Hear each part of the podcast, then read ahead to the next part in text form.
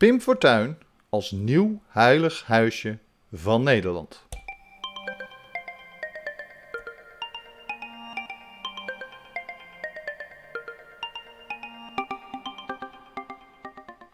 Een hele goede dag en welkom bij deze nieuwe aflevering van de podcast Links Geleuter. Mijn naam is Bastiaan Toorn en ik ben theatermaker, acteur, podcaster en opiniemaker. En zoals in iedere aflevering van Links Geleuter bespreek ik zo weer met u een politieke gebeurtenis en of maatschappelijke situatie of onderwerp. Goed, deze podcast kunt u natuurlijk vinden op Apple Podcast, Google Podcast en Spotify en diverse andere podcastplatformen. En tevens kunt u de video's van deze podcast vinden op mijn website www.torenent.nl of natuurlijk op mijn YouTube kanalen. Uh, of op mijn Facebook fanpage. Goed, waar gaan we het vandaag over hebben? Nou, we gaan weer een beetje op het randje zitten, denk ik. Uh, ik denk dat er weer veel reacties zullen komen. Want nou ja, tegenwoordig uh, hebben ze het altijd over dat links cancel uh, doorvoert. Maar heel eerlijk, ik heb steeds meer het gevoel aan de reacties te zien die ik vaak krijg op deze podcast. Dat het met name de rechtse en de conservatieve mensen zijn die niet vinden dat je bepaalde dingen mag zeggen. En toch zeg ik het. Ik zie namelijk Pim Fortuyn als een nieuw heilig huisje, met name van rechts Nederland. En tevens vind ik de mythe rondom Pim Fortuyn veel te opgeblazen. Voor de mensen die uh, nog iets. Uh, uh, waarom kom ik nou met dit onderwerp? Dat begrijp ik heel goed dat sommigen dat stellen. Nou, heel simpel. Afgelopen week zijn we doodgegooid. En vooral met dit fragment van Pim Fortuyn. Zin aan. At your service. Er is een uh, dramaserie gemaakt rondom Pim Fortuyn. Nou, vind ik die dramaserie op zich goed. De acteurs spelen het prima. En wat ik mooi vind van die dramaserie is dat ze eigenlijk ook een inkijkje geven bij het stukje van Melkert, de PvdA-politicus, die eigenlijk tussen twee vuren zat. Eén, de opkomst van Pim Fortuyn, waar eigenlijk bijna geen één politicus op dat moment in Nederland goed mee om wist gaan. Maar ook tegelijk zijn eigen partij die hem terughield in reactie in uh, dingen die hij moest doen. Hij moest bijvoorbeeld de JSF uh, goedkeuren, uh, laten goedkeuren door de fractie, de JSF aanschaf. En ja, daar was de hele fractie en ook Melkert eigenlijk zelf geen voorstander van. Maar ja, dat had minister-president Kok natuurlijk afgesproken. En die wilde niet voor paal staan op het laatste moment in het kabinet. Nou, dat hele geschiedenis ga ik allemaal niet vertellen. Ook de opkomst van Fortuyn ga ik niet vertellen. Daar ga ik het niet over hebben. Wilt u daar meer over weten? Kijk dan de serie van NPO. Of kijk bijvoorbeeld, uh, luister de podcast Pim Fortuyn, of Pim geloof ik dat hij heet, uh, van het NRC. Gewoon uh, via hun audio-app kan je dat luisteren, gratis volledig. Zijn mooie series, wat ik mooi vind van, die, uh, van de NRC, is dat ze ook in kijkje in eigen keuken doen. Dus terugreflecteren op hunzelf, op de, hoe de krant reageerde op de opkomst van Pim Fortuyn en de dingen die hij zei. en dat ze misschien toch wel erg overtrekken, trokken iets hebben gezet. Dus het demoniseren waar hij het altijd over had, dat daar toch wel een kern van waarheid in zat. Maar, nu kom ik bij wat er momenteel gebeurt. Um, er is namelijk nogal een mythe aan het ontstaan rondom Pim Fortuyn. Het, uh, daarnaast mag je ook dan weer niet slechte dingen zeggen over Pim Fortuyn. Op een of andere reden. Want hij is heilig verklaard. Ik snap niet helemaal goed waarom. Kijk, Pim Fortuyn zal altijd een onderdeel zijn van onze uh, geschiedenis als Nederland zijnde, maar ook als van onze uh, politieke geschiedenis. Uh, het is tenslotte een, een, een man die uh, plots opkwam en eminent populair werd. Nou, dat is al geschiedenis, geschiedkundig waardig. Maar daarnaast is hij ook vermoord. Het was een politieke moord.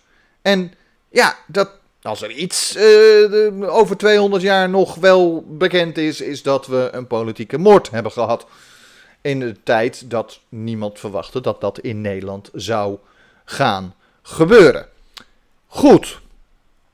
Um, en mede door de politieke moord um, ontstaat er een mythe rondom deze man die ik erg ver vind gaan.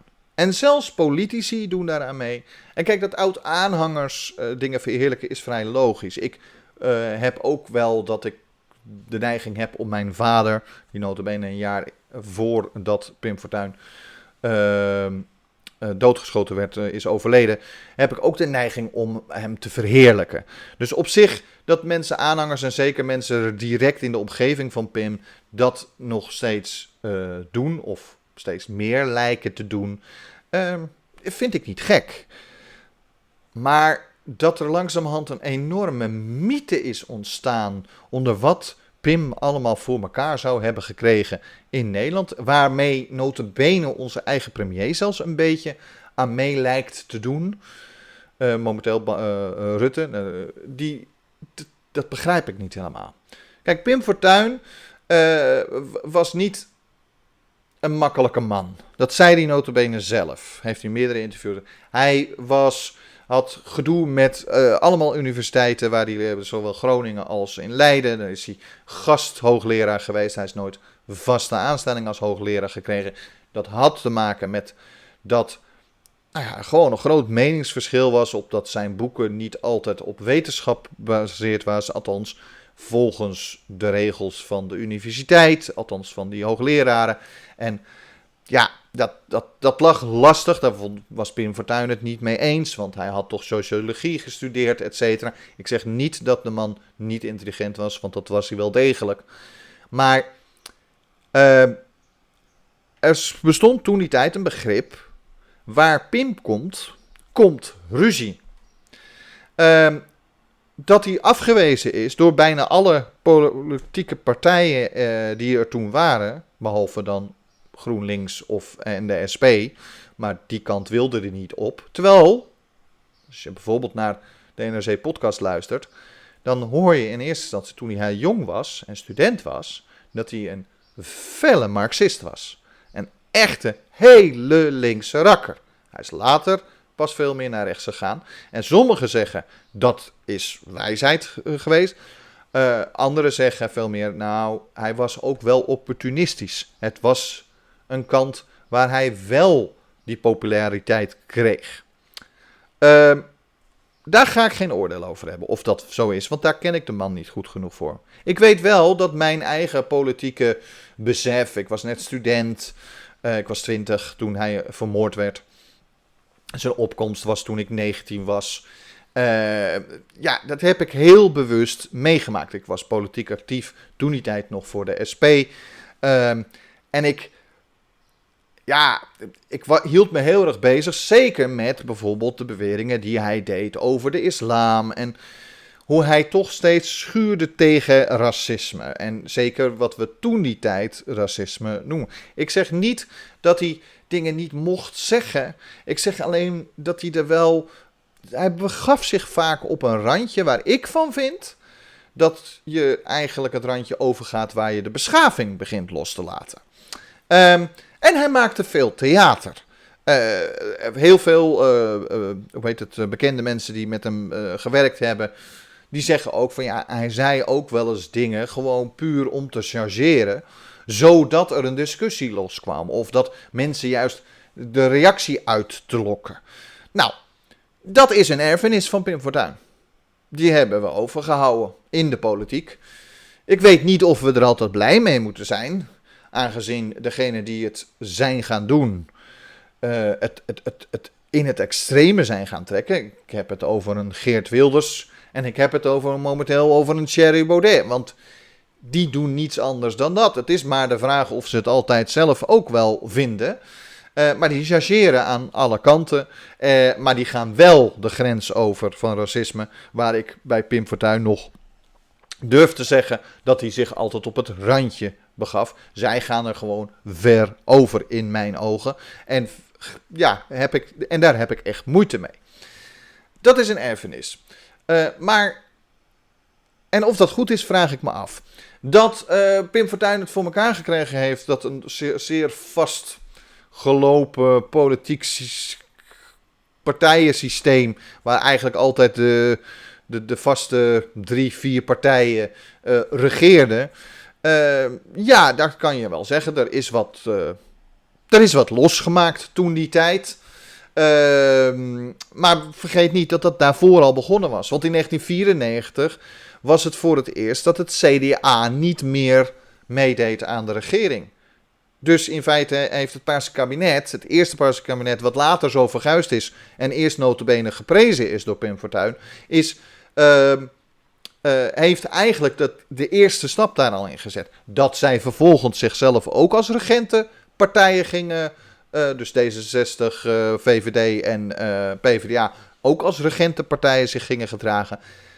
Ja, dat is aan die partijen. En dat hij daar tegenaan geschopt hebt, ben ik het helemaal mee eens. En daar had hij ook gelijk in. Ehm, en heel eerlijk, links wist niet goed om dat zelf te doen. Nu het ook van een andere kant kwam, die blijkbaar ook bij heel veel kiezers populair werd. Ja, dat zorgde er nou eenmaal voor dat ze. Uh, nou ja, dat, dat, dat er eh, de versplintering die er uiteindelijk is gekomen nu die heeft daar al mee te maken. Ehm, ik vind het nu te versplinterd. Um, ik denk dat dat de politiek niet goed heeft gedaan. Maar dat kan je Pim Fortuyn dan weer niet kwalijk nemen. Maar meer versplintering of meer meningen en meer uh, wisseling van de wacht binnen de partijen. Zodat er niet partijen echt een regentengevoel krijgen. Ja. Maar is het ook werkelijkheid geworden dat niet meer de regentenpartijen aan de macht waren. Nee. Datgene waar hij het meest tegen ageerde, dat heeft hij niet voor elkaar gekregen. Want wie kwam er aan de macht na Fortuyn? Balkenende. Balkenende, daar had hij een soort geheime flirt mee. Ze vielen elkaar niet aan. Maar Balkenende was nou niet bepaald een vernieuwende politicus. Die was niet tegen het privatiseren Zoals Pim Fortuyn wel tegen privatiseren. Ik ben altijd tegen privatisering geweest. een van de weinige punten waar ik het met Pim Fortuyn en LPF mee eens was. En ook heel veel linkse partijen nogal uh, mee eens waren. Uh, maar wie heeft er vervolgens meer geprivatiseerd nog? En die heeft gewoon de privatisering van de NS, de nutsbedrijven, van de zorg, uh, dat het langzamerhand een eigenlijk meer een soort marktwerking geworden. Wie heeft dat doorgezet? Het CDA notabene in het zadel geholpen, mede door Pim Fortuyn. En ja, als hij had geleefd, dan had hij misschien premier geworden. En dan was dat kabinet, eerste kabinet Balken en waarschijnlijk het eerste kabinet Pim Fortuyn geweest. En dan was het misschien anders gelopen. Dat is helemaal waar. Ik zeg ook niet dat hij zelf per se er iets aan kan doen. Maar als we naar de erfenis krijgen, die nu zogenaamd zo groot en een mythisch wordt gemaakt, waardoor die notenbenen ooit is gekozen voor als uh, grootste Nederlander uh, aller tijden. Nou, sorry, die mythe klopt niet. Ja, hij heeft wat gedaan. Ja, hij heeft wat losgemaakt. Maar hij heeft ook verkeerde dingen gedaan. En hij had ook ideeën die te krankjorum voor woorden waren. Ik bedoel, als je nu nadenkt. We hebben, er is uh, in Oekraïne is binnengevallen uh, of door Rusland. Rusland valt ze aan. Kan je je voorstellen, als we Pim Fortuyn's idee hadden uitgewerkt, dan hadden we nu eigenlijk geen krijgsmacht meer gehad. Want wat zei hij? Hij wilde, één, de JSF niet. Twee, hij wilde dat de luchtmacht en de landmacht uh, een soort samengepropt werd met de marine. En het dat zo klein mogelijk houden, want we waren toch maar een klein land. En uh, dat hadden we niet meer nodig. Volgens Pim Fortuyn, hè? Had je, moet je bedenken dat je nu in die situatie zou gezeten hebben. Dan hadden we één, Oekraïne niet veel meer kunnen helpen. En twee, uh, het blijkt toch dat we blijkbaar iets meer verdediging, of in ieder geval als Europa, moeten doen. En daar was hij ook niet voor. Nou, en er zijn meer van dat soort dingen. Het idee van de, de intensieve uh, veestapel. Hij wilde het eigenlijk nog intensiever maken. Hij wilde een soort flatgebouw uh, stallen hebben voor de varkensvetmesterij. dat staat notabene in een boek van hem. Nou, sorry. Ik vind dat te bizar voor woorden. Dat zijn ideeën. Ja, je lost er niks mee op. En tuurlijk moest er een compromis komen en wat dan ook. Maar als jouw beginidee eigenlijk al niet klopt en dat hij daar eigenlijk al niks van weet. En, en met een oplossing komt die te krankjorum voor woorden is. Hoe kan je dan zeggen dat hij veel voor elkaar heeft gekregen? Ja, hij heeft de boel losgeschud in de politiek. En voor een gedeelte kan ik, me daar, kan ik hem daar dankbaar voor zijn. Maar het populisme wat hij geïntroduceerd heeft, of verder geïntroduceerd heeft, want het was niet zo dat, dat bijvoorbeeld Bolkestein helemaal niet aan populisme deed. Ja, dat, daar ben ik hem niet dankbaar voor. Want hij had er misschien goede bedoelingen mee. Maar als je kijkt hoe er nu met Thierry Baudet en bijvoorbeeld Wilders is. Kijk, iets wat hij ook voor elkaar gekregen heeft, is dat die populisten uh, veel meer macht hebben gekregen. Het, en in ieder geval veel meer stemmen. En dus een groter geluid. Het grootste probleem ervan is dat het niet zoals hij. Kijk, Pim Fortuyn was iemand die binnen het systeem de boel los probeerde te schudden. En dat is hem redelijk gelukt. En als hij niet vermoord was, was het waarschijnlijk nog verder gelukt. Of hij was keihard op zijn bek gegaan.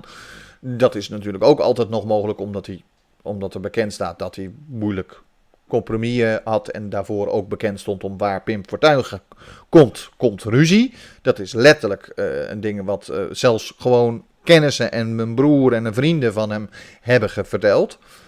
Dus dat is helemaal de vraag hoe dat gelopen was. Maar een Wilders is geen democraat. Die wil dus juist niet het systeem. Die neigt naar autoritaire regime. Heeft met uh, Poetin lopen flirten. Uh, et cetera, et cetera. Wilt geen open uitgeven van zijn financiën. Is niet notabene niet eens een echte politieke partij. Want hij is de enige lid. Dus die hele partij is niet democratisch. Nou, Pim Fortuyn zover hij schrijft tenminste, is voor een echt democratisch systeem. Dus als je hem dan vereert, dan is dit een van de erfenissen van hem, die juist iets is waar hij zelf tegen was. Um, Thierry Baudet is al helemaal een, voor een autoritair systeem. En dan zeggen ze altijd wel van ja, maar hij is voor referenda. Ja, maar ook alleen maar zoals het hem uitkomt. het gaat erom dat hij iets teweeggebracht heeft in de politiek. Waar ook nadelen aan zitten. En ik wil die man niet uh, uh, verketteren. Echt niet. Uh, ik vind dat hij wel degelijk uh, dingen los heeft gemaakt. Waar andere partijen, kleine oppositiepartijen, het, het, niet lukte. Ik bedoel, hij en later heeft Verdonk het gezegd hadden het over spreiding van uh, arm en rijk uh, binnen uh, woonwijken, zodat je geen ghettovorming kreeg. Nou, dat is niet iets wat Pim Fortuyn als eerste zei. Dat zei Jan Marijnes in 1994 al, omdat hij ghettovorming zag ontstaan bij de grote steden. Toen werd Jan Marijnissen uitgemaakt voor racist. Terwijl het had geen racistische motieven, het had motieven dat de buurt beter werd. Maar Jan Marijnissen heeft het voor Pim Fortuyn het niet voor elkaar gekregen om uh, het los te schudden binnen de grote partijen. Dat heeft Pim Fortuyn wel voor elkaar gekregen. Dus ere die ere toekomt. Maar maak de mythe rondom deze man toch niet veel groter dan dat hij is. Er zitten ook nadelen aan. Ja, hij heeft dingen losgegeven. Ja, hij heeft een gedeelte van de mensen weer een soort. het gevoel gegeven dat ze weer een stem hadden. De mensen hadden altijd al een stem. Alleen de mensen hadden niet het gevoel dat het naar hun geluisterd wordt. En Pim Fortuyn is de eerste geweest sinds jaren die dan weer het gevoel gaf dat er naar hen geluisterd werd. Maar maak de man niet groter als dat hij is. Uh, want je maakt iemand een heilig huisje waar je niks over mag zeggen. Terwijl je dan in mijn belevenis hem zelfs niet echt goed eert. Want wat is zijn erfenis? Zijn erfenis is kabinet Balkenende en uiteindelijk kabinet Rutte. Die dingen hebben gedaan waar hij notabene heel erg tegen was, volgens zijn boeken dan. Uh, wat is zijn erfenis? Zijn erfenis is dat populisme een veel grotere rol is gaan spelen binnen de politiek.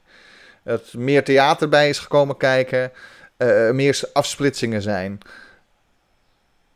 en eigenlijk minder goede wetten worden gemaakt. Is dat iets om trots op te zijn? Eh, wat hij ook voor elkaar gekregen, wat weer goed is, is dat integratie besproken kan worden. Ook de negatieve kanten ervan. En dat je niet per se een racist bent op het moment dat je zegt dat er met bepaalde groeperingen eh, dingen misgaan bij de integratie. Want dat heerste er wel. Je mocht eigenlijk niet zeggen dat uh, bijvoorbeeld bij moslims of bij, bij, uh, ja, bij, moslims, dat daar uh, een talenachterstand was. Terwijl dat wel zo was. Dat was een feit. Dat was niks racistisch. Dat, dat was een feit. Als ze vervolgens deze mensen het kwalijk nemen, dan word je in mijn ogen racistisch. Maar als jij zegt van nee, wij als politiek hebben dit fout gedaan, we moeten zorgen dat deze mensen meer kans krijgen om gewoon de Nederlandse taal meteen goed te leren. En als ze dan hun best niet doen, dat je daar dan iets tegenover stelt. Ja, dat kan. Uh, ik ben voor een ruimhartig asielbeleid, ruimhartig vluchtelingenbeleid. Maar ik ben wel voor dat deze mensen ook echt een eerlijke kans krijgen. En kan je die eerlijke kans niet geven als land zijnde, ja, dan moet je misschien andere maatregelen nemen. Maar ja, als Nederland kunnen we, die maatregelen, kunnen we dat wel geven, we doen het alleen niet. Dat is mijn leven. Je moet niet de vluchtelingen de schuld geven, je moet de, het systeem de schuld geven. En dat Pim Fortuyn dat los heeft gemaakt, ja, maar door bijvoorbeeld moslims een achterlijke cultuur te noemen, dat is, gaat in mijn ogen nog steeds, echt nog steeds veel te ver. En u mag er het zijne van vinden en u mag mij er zelfs door verguizen. Echt waar. Maar ik heb wel respect voor de man Fortuin dat hij iets voor elkaar heeft proberen te doen. Het was ook een drama queen. En als politiek Nederland op dat moment, ja, die kon daar niet mee omgaan. Um, misschien was het ook wel goed dat dat niet kon. Want daardoor. Um, daardoor zijn misschien partijen meer gaan kijken van. joh, we moeten meer er naartoe. Maar is het daarna ook echt gebeurd? Nee. Het is niet gebeurd. Balkenende heeft geregeerd als een echte regentenpartij. Als een echte regent. Eh, Rutte nog meer, want daar hebben we de hele Rutte-doctrine doorgekregen. We zijn twintig jaar verder. En datgene waar hij het hardst tegen ageerde, dus dat dingen niet gezegd moesten worden, dat het plusjes, dat, dat dingen alleen maar doorgeschoven worden, et cetera, et cetera, dat gebeurt nog steeds. En de partijen die min of meer in ieder geval claimen dat ze uit de erfenis van Pim Fortuyn vandaan komen, een PVV, een Fortuyn, of een, eh, een, een eh, Forum voor Democratie. Nou, sorry, maar die zijn bepaald niet in staat om de boel echt daarin te veranderen. ik denk toch echt dat, als we eerlijk zijn, dat Pim Fortuyn alleen was losgeschud heeft. En ja, hij heeft helaas een grote rol in de Nederlandse politieke geschiedenis, omdat hij vermoord is. En die moord is verschrikkelijk. En dat mensen daar dat nog steeds uh, na, ter nagedachtenis willen doen, prima. Maar Pim Fortuyn was absoluut geen heilige. Dus maak er dan ook geen heilig huisje van. Goed, dat was het weer vandaag. Van de week ben ik er weer. En dan uh, gaan we natuurlijk hebben over een totaal ander uh, onderwerp. Um, wilt u uh, meer weten? Kijk dan op mijn website. Dat is natuurlijk www.torenent.nl. En tot de volgende keer.